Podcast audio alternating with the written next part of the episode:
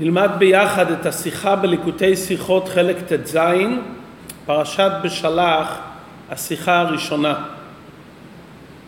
על הפסוק בפרשתנו ויקח שש מאות רכב בחור, נאמר במחילתא שהבהמות שלקח פרעה עבור שש מאות רכב היה מהמקנה שהניס הירא את דבר השם.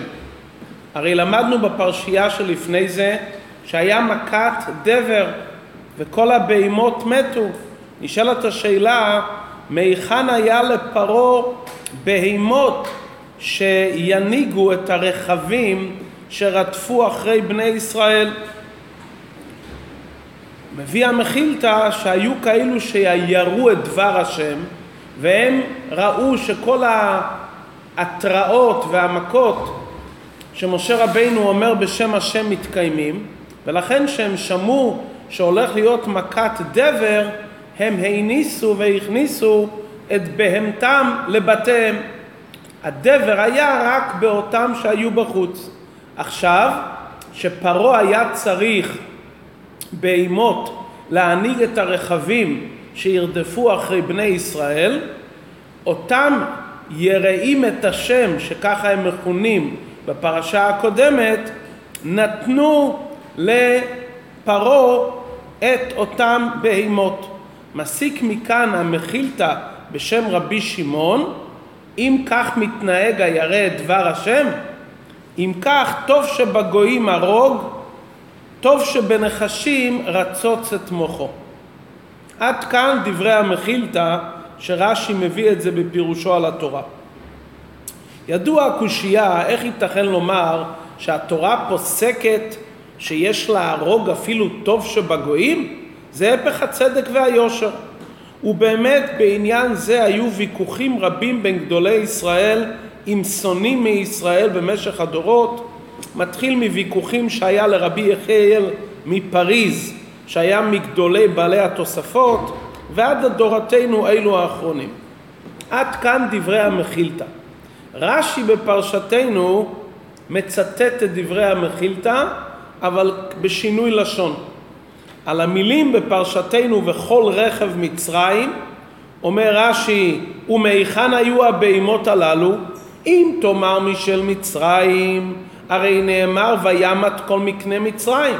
אם תאמר משל ישראל, והלא נאמר וגם מקננו ילך עמנו. משל מי היו? מהירא את דבר השם. מכאן היה רבי שמעון אומר, כשר שבמצרים הרוג, טוב שבנחשים רצוץ את מוחו. כלומר, עם ישראל הרי יצאו עם הבהמות. הבהמות של המצרים מתו, וימת כל מקנה מצרים. אותם אלו שיראו את דבר השם. אומר רבי שמעון, מכאן למדים שכשר שבמצרים הרוג, טוב שבנחשים רצוץ את מוחו.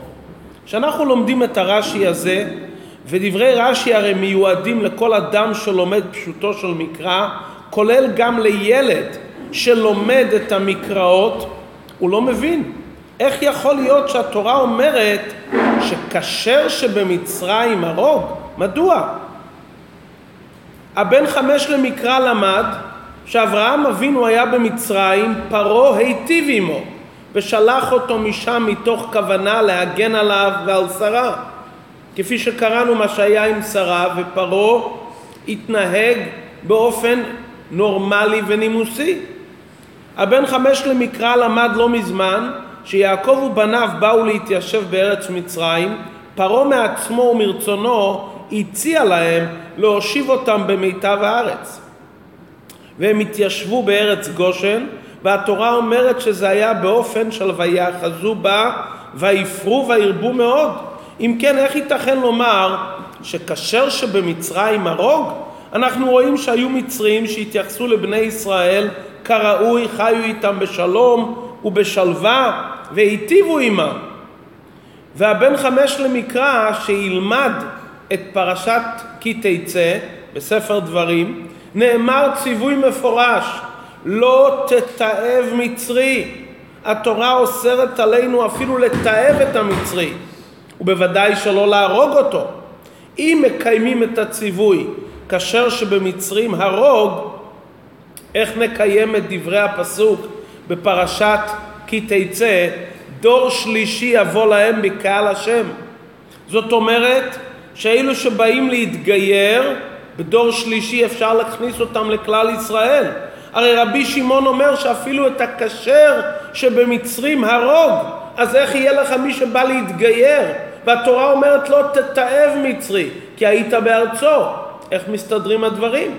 וזה שואל ילד בן חמש למקרא, והוא קורא את רש"י בפרשתנו, ולא מבין איך התורה שהיא תורת חסד, ומדברת בצדק וביושר, אומרת באופן גורף, כאשר שבמצרים הרוג. ממשיך הרבה בסעיף ג', אחד התירוצים שמצינו בעניין זה, על פי מה שנאמר במסכת סופרים. מסכת סופרים יש גרסה שבה נאמר הטוב שבעקום בשעת מלחמה הרוג. כלומר שההיתר או החיוב להרוג אפילו את אלו שטובים בגויים זה נאמר רק בשעת מלחמה עם בני ישראל אבל במצב של היעדר מלחמה או במצב של שלום ודאי שלא. לפי זה היה אפשר לפרש גם את דברי רש"י שרש"י מתכוון שברגע שהמצרים יוצאים להילחם עם בני ישראל כרגע גם הירא דבר השם רודף אחרי בני ישראל. אה, אם זה שעת מלחמה, גם הטוב שבגויים, ברגע שזה עת מלחמה, צריך להרוג. באמת הדברים הללו כבר יותר ברורים. בשעת מלחמה עליך, אסור לך לחוס, אתה צריך גם את הטובים להרוג. אבל הדברים הללו נכונים לנאמר במסכת סופרים. אבל רש"י בפירושו על התורה לא מוסיף את המילים בשעת מלחמה.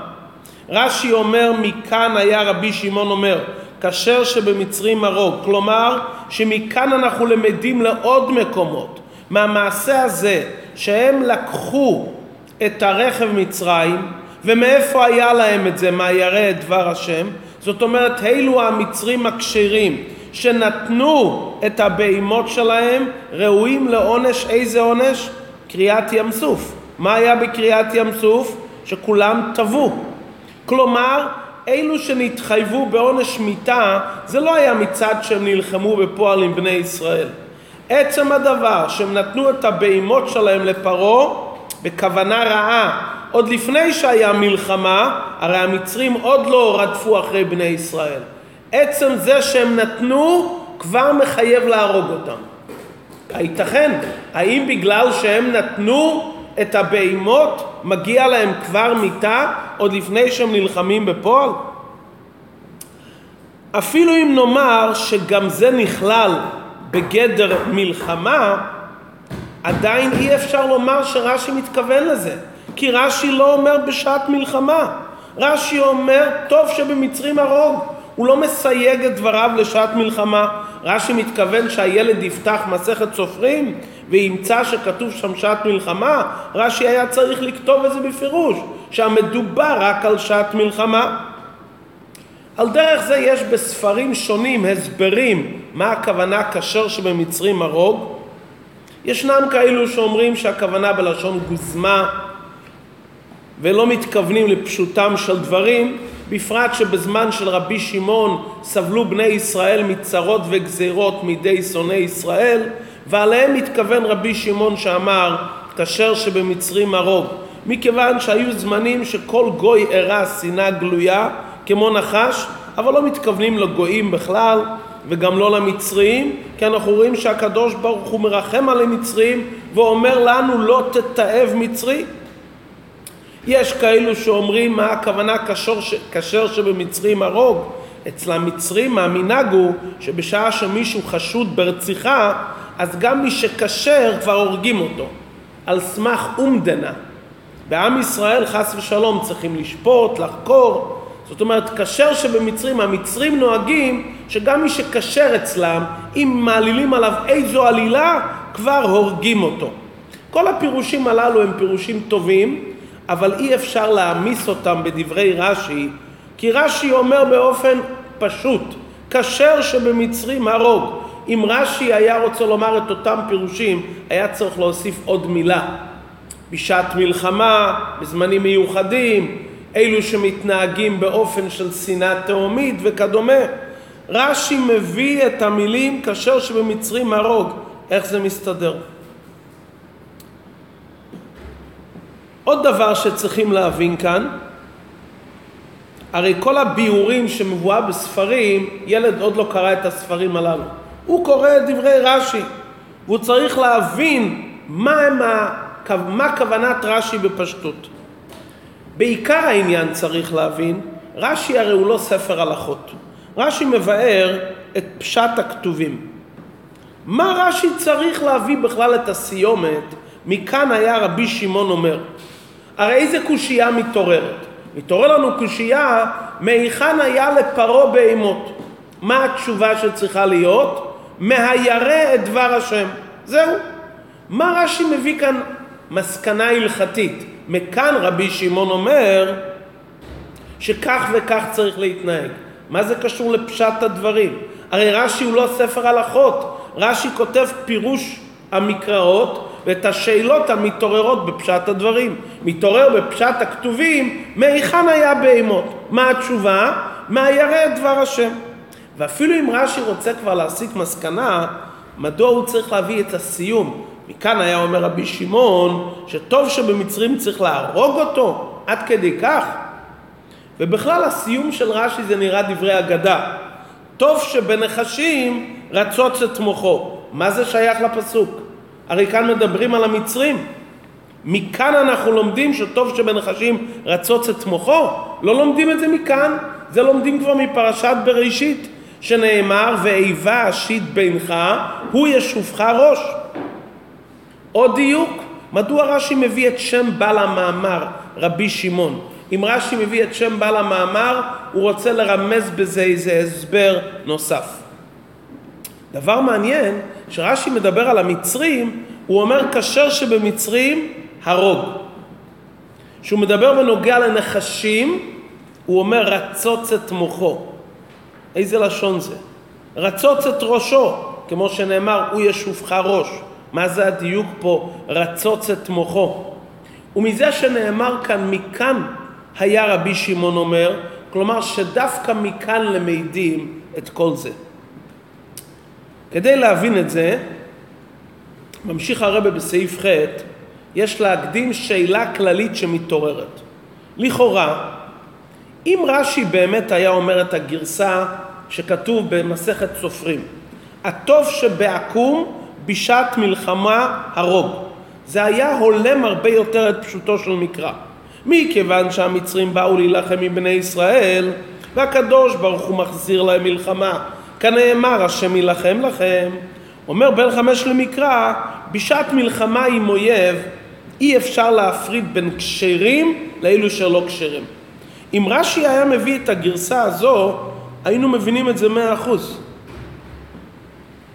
אבל רש"י בחר גרסה הרבה יותר תמוהה, כשר שבמצרים הרוג, שזה הפך הצדק והיושר. דבר שני, אלו שירד דבר השם והניסו את בהמתם אל הבתים, מתחייבים איתה בגלל מה? שהם נתנו את הבהמות לפרעה? כבר על זה מגיע העניין של מיתה? אלא שכאן אנחנו מבינים דבר שזה בעצם יסוד ההסבר. בדרך הפשט, מה שהיה הנס של קריאת ים סוף ומה שהמצרים נפלו בים סוף וטבעו, זה לא בגלל שהם רדפו אחרי בני ישראל עכשיו. כי מי גרם להם לרדוף אחרי בני ישראל? הקדוש ברוך הוא. ויחזק השם את לב פרעה. למה הם נענשים עכשיו והם נטבעים בים? בגלל מה שהם הראו לעם ישראל בכל אותו תקופה. כלומר, הנס של ים סוף זה סיום וגמר לכל המכות שהביא הקדוש ברוך הוא עליהם. והעונש הכי גדול זה מה שהם טבעו בים סוף עד שלא נשאר בהם אחד. כלומר, זה לא על מה שהם כרגע רודפים אחרי בני ישראל, אלא זה סיום לכל העניין. ולכן רש"י לא יכול להביא את הגרסה שמדובר על שעת מלחמה, כי כרגע זה לא שעת מלחמה. הם סך הכל נתנו את הבהמות לפרעה, ולכן הם נהרגים? זה לא שעת מלחמה. לכן רש"י אומר, מכאן היה רבי שמעון אומר. רש"י לא מביא דברי הלכות, אלא רש"י רוצה לענות לנו על שאלה שמתבקשת. איך יכול להיות שהקדוש ברוך הוא נתן עונש אחיד לכל המצרים שכולם נטבעים בים עד אחד? אנחנו רואים שהיו בהם גם יראי השם. הנה, היו כאלו שהיו הירא דבר השם והאמינו בהשם והכניסו את הבהמות לבתים. האם גם להם מגיע כזה עונש גורף להיטבע בים סוף? יחד עם אותם אלו שהירו והציקו לעם ישראל? השאלה הזאת היא שאלה שמיד מתעוררת. הקדוש ברוך הוא עושה הרי כל דבריו דין ומשפט וצדק. אם היינו אומרים שהעונש על זה שהם רודפים כרגע בשעת מלחמה, נו, בשעת מלחמה רודפים אז כולם נענשים. אבל הם לא נענשים על זה שהם רודפים בשעת המלחמה, כי כרגע זה לא שעת מלחמה. הם נענשים על מה שהיה במצרים, וזה סיום חשבון סופי על כל מה שעשו המצרים לעם ישראל במצרים. אבל היו שם כאלו שהיו הירא דבר השם. גם להם מגיע כזה עונש? זו שאלה שמתעוררת לכל אחד שלומד את הסיפור. בפרט שאנחנו זוכרים בסדום ועמורה שאם היו תשעה צדיקים בסדום או עשרה הם לא רק היו ניצולים בעצמם, בזכותם הם היו מגינים על כל העיר. כאן התרחש בדיוק הפוך. יש ירא דבר השם, מאיפה אני יודע שיש ירא דבר השם? הנה, הביאו בהימות לרכבים, כי הם האמינו במכה של דבר בעצם ההתראה, והזכות הזאת שהם ירא דבר השם לא הגינה עליהם מכליה, והם לא ניצלו הם בעצמם גם. הם טבעו בים סוף יחד עם כל אלו שהירו לעם ישראל. מה התשובה לשאלה? אומר רש"י, אני אומר לך את התשובה לשאלה. מכאן יהיה לך תשובה לשאלה. כשר שבמצרים הרוג, טוב שבנחשים. אתה יודע למה הירא קיבל כזה עונש? לא בגלל שהוא נתן את הבהמות לפרעה בלבד, לא זה הסיבה. זה שהוא נתן את הבהמות לפרעה זה הוכחה שיש לו שנאה לבני ישראל בדיוק כמו אותם מצרים שהירו לעם ישראל. אותו שנאה ארסית שהיו למצרים שעינו את בני ישראל בריבוי שנים באופן איום ונורא, גם לו יש. מאיפה אני יודע את זה? אתה הרי ירא את דבר השם. אתה ראית שהמכות מתקיימים. והכבאת את הבהמות שלך בתוך הבית, וראית שהם ניצלו. זאת אומרת שאתה רואה שדבר השם מתקיים. אז איך אתה תוך ימים הולך ומהפך את העניין ונותן את אותם בהמות שהשם הציל אותך והשאיר לך אותם בזמן שכולם מתו, כל הבהמות בחוץ, אתה נותן את זה לפרעה? הרי אתה ראית את הנס ואתה ראית את הדברים באופן גלוי. זאת אומרת שבעצם לך יש שנאה ארסית לעם ישראל בדיוק כמו כל המצרים כולם. כי אם היה לך באמת יראת שמיים אמיתית, לא היית מוכן כרגע לתת את הבהמות לפרעה. ורש"י אומר שהוא משך אותם בדברים והם הסכימו. הוא אמר להם כן בוא ביחד נלך נתפוס את עם ישראל וגם אותם יראי השם קיבלו את דברים והם השתכנעו ונתנו את הצאן שלהם. לכן אומר רש"י מכאן עד עונש קריאת ים סוף זה עדיין לא הוכחה ברורה שגם הירא דבר השם גם הוא יש לו שנאה ורשות כמו כל המצרים. עכשיו שאני רואה שהקדוש ברוך הוא העניש את כולם באופן שווה עכשיו אני מבין שבעצם לכולם יש אותו שנאה שלכן הם נתנו את הבהמות ולכן הם קיבלו כזה עונש. בשאר המכות שהשם העניש אותם לא העניש אותם בעונש מוות. עונשים קטנים, שזה קיבלו באמת כולם. זה היה מגיע להם גם לירא את דבר השם.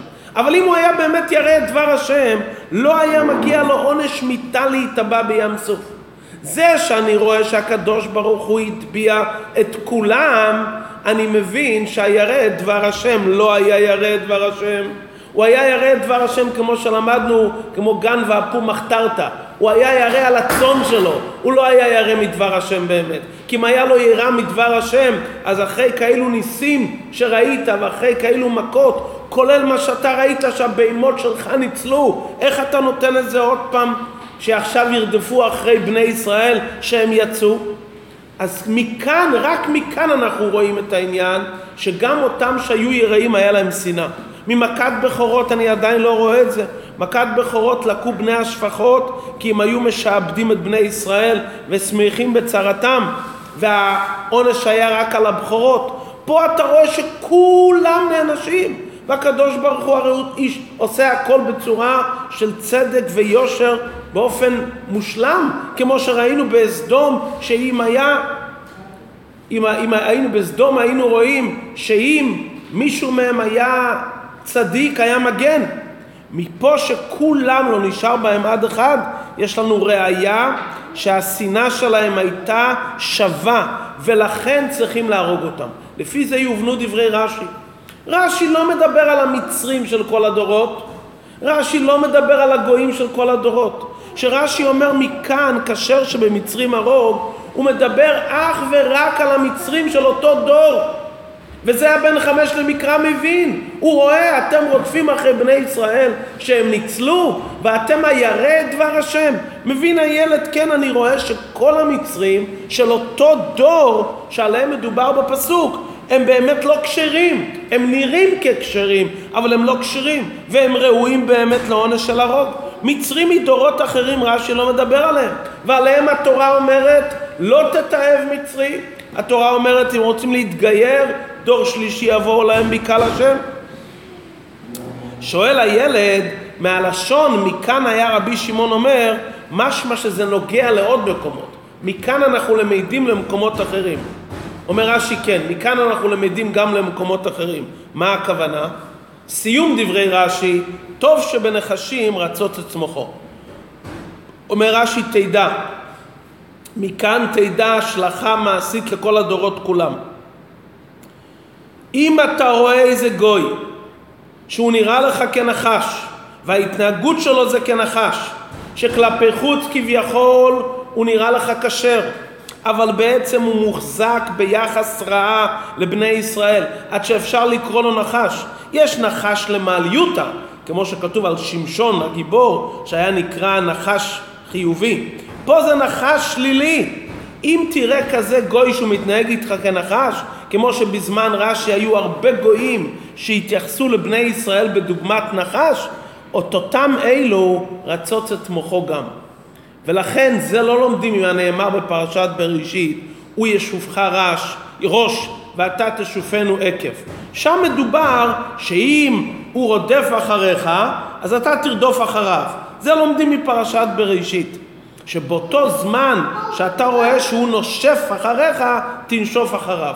כאן מדובר על מצב אחר לגמרי, על גוי שמתנהג איתך כנחש רגוע, הוא לא רודף אחריך, אבל אתה רואה בהנהגה שלו, מהחזקה של הדיבורים שלו וההתנהגות שלו הכללית, שבעצם הוא בשנאה ארסית כלפי בני ישראל, אז אל תחכה שהוא יתקוף אותך, אל תחכה שישופך ראש, אלא מיד שאתה רואה כזה גוי שמתנהג איתך כנחש, רצוץ את מוחו. מכיוון שטוב שבנחשים הוא כמו הכשר שבמצרים. הכשר שבמצרים ירא את דבר השם. ראית כמה הוא ירא את דבר השם. מיד כמה ימים אחר כך הוא נותן את הבהמות שלו כדי לרדוף את בני ישראל אחרי שהם יצאו. מזה תלמד לכל הדורות כולם. טוב שבנחשים רצוץ את מוחו, כמו שבאותו דור של המצרים הם גילו שהם שונאים את בני ישראל כמו נחש, התנהגו בערמומיות, למרות שהם נקראים הירא דבר השם, ככה תלמד לכל הדורות כולם, שאם אתה רואה גוי או שונא ישראל שמתנהג אליך באופן של נחש, הבא להורגך השכם להורגו רצוץ את מוחו לכתחילה. מה הסיבה באמת שבאותו דור המצרים האלו היו כאלו שונאים? מאיפה הגיע להם כזה שנאה? אומר רש"י, בוא תחשוב על הנחש. מה זה הנחש? על הנחש כתוב ואיבה אשית. למה כתוב על הנחש ואיבה אשית? כי הנחש התנהג בערמומיות, והנחש היה ערום. הוא לא התנהג כבעל חיים רגיל, הוא השתמש במוח שלו להכשיל את חווה ואת אדם הראשון, וכתוצאה מזה היה חטא הדת. סתם הוא עשה את זה, בלי סיבה מיוחדת. גם אצל פרעה מצינו אותו דבר. הווה נתחכמה לו. מה זה הווה נתחכמה לו? הוא הולך עם התחכמויות עם עם ישראל. הוא התנהג עם עם ישראל בערמומיות.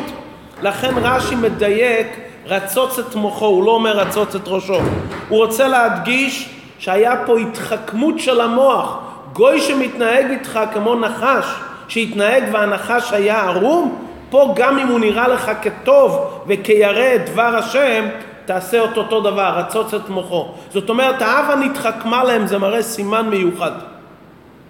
ולכן רש"י מביא את רבי שמעון, את שמו של בעל המאמר, ידוע שרבי שמעון דורש את טעמי המקראות. מה הכוונה פה שהוא דורש את טעמי המקראות? רש"י בא לומר, תדע, דווקא המצרים של אותו דור שהתנהגו באופן כזה, מהם תלמד לדורות שכאילו גויים רצוץ את מוחו תהרוג אותו. טוב שמנחשים רצוץ את מוחו, תלמד מכאן הוכחה וגילוי דעת שמדובר רק על המצרים שאותו באותו דור, ומכאן תלמד לכל הדורות שאם תראה כזה סוג של גוי שמתנהג כמו אותם גויים שכלפי חוץ היו נראים יראה את דבר השם ובעצם התנהגו כנחשים, תלמד לכל הדורות גם. לכן רש"י מדבר רק על אותם מצרים של אותו דור, ומכאן לומדים לכל הדורות כולם. במסכת סופרים באמת, שם רבי שמעון בר יוחאי אומר בצורה יותר גורפת, שם הוא אומר, הטוב שבעקום הרוג, הטוב שמלחשים רצוץ את מוחו, שם לא מדובר על דור מסוים, רבי שמעון בר יוחאי ראה את הטבע של הגויים בכלל, אז הוא למד את זה באופן גורף. אבל רש"י לבן חמש למקרא כרגע מדבר רק על סוג כזה ובזמן כזה, וכמו ששם מדובר על ג' דברים שונים, על נחשים ועל מצרים וכולי, אז מזה אנחנו לומדים שבמסכת סופרים מדבר באופן אחד. רש"י מדבר לילד והילד מבין היטב את הדברים. מרש"י אפשר ללמוד גם עניין הלכתי. הגמרא אומרת במסכת סנהדרין שנחש כל מי שקודם להורגו זכה. ולא צריך להביא נחש לבית דין של 23 כמו דעת תנא קמא. ויש בזה מחלוקת בין רבי יוחנן לרבי של... לריש לקיש. ריש לקיש אומר, רק אם מדובר על נחש שהמית בן אדם, אז הוא מתחייב מיתה. רבי יוחנן אומר, לא, אפילו אם הוא לא המית, לנחש אין תרבות, אתה קודם להורגו בכל מצב. רש"י סובר כמו רבי יוחנן, כי רש"י אומר שברגע שאתה רואה נחש, אל תהפך בזכותו, כמו שאסור לך להפך בזכות המצרים שהתנהגו באופן לחשי, של נחשים, אלא גזירת הכליה חלה על כל המצרים. לכן אל תעמיד אותו לבית דין של 23, כמו שהקדוש ברוך הוא לא העמיד את המצרים לבית דין. אלא מכיוון שראו שמתנהגים באופן של נחש, אין להם תרבות, הם לא צריכים העמדה לדין. גם אם הוא לא המית אותך, כמו שהמצרים גם אם לא המיתו אותך אתה צריך להרוג אותם. אז רש"י מצדד בדבריו רואים מדברי רש"י כמו דעת רבי יוחנן שבנוגע לנחש הוא לא בן תרבות וכל הקודם להורגו בלי דיבורים ובלי להביא אותו לבית דין. מדוע? כי על הנחש יש גזירה ואיבה עשית בינך בעלי חיים אחרים יכולים להיות בני תרבות. הנחש קיבל גזירה ואיבה עשית. ואם גוי מתנהג כנחש גם ככה עליך להתנהג מה ההוראה מכל זה אלינו בעבודת השם? וזה הדבר העיקרי. כתוב בזוהר הקדוש שהנחש זה היצר הרע. לפעמים היצר הרע מגיע לאדם באצטלה של יראת שמיים, בלבוש של יראי שמיים, ובבחינת טוב שבנחשים. הוא אומר, אני רוצה לעשות איתך שלום עם היצר הטוב. אבל בוא נעשה פשרה.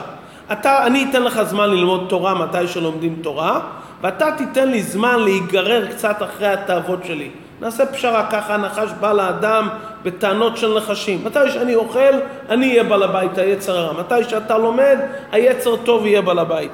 אומר רבי שמעון, טוב שבנחשים רצוץ את מוחו. אסור לעשות שום שלום עם היצר הרע, כי הוא נחש.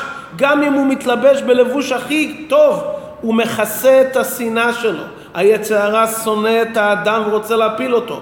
וזה שהיצר הרע לפעמים מתרצה לוותר על דברים מסוימים, זה גופה מהתחבולות של היצר הרע. היום אומר לך עשה כך ומחר אומר לך עשה כך, עד שהוא אומר לך לך עבוד עבודה זרה. העצה היא רצוץ את מוחו, אל תיתן לערמומיות ולתחבולות של היצר שיבלבלו אותך. לכן כתוב רצוץ את מוחו. הוא מדבר איתך בתחבולות של מוח, אל תיתן לזה מקום. וכפי שלמדנו, יגיע כפיך כי תאכל.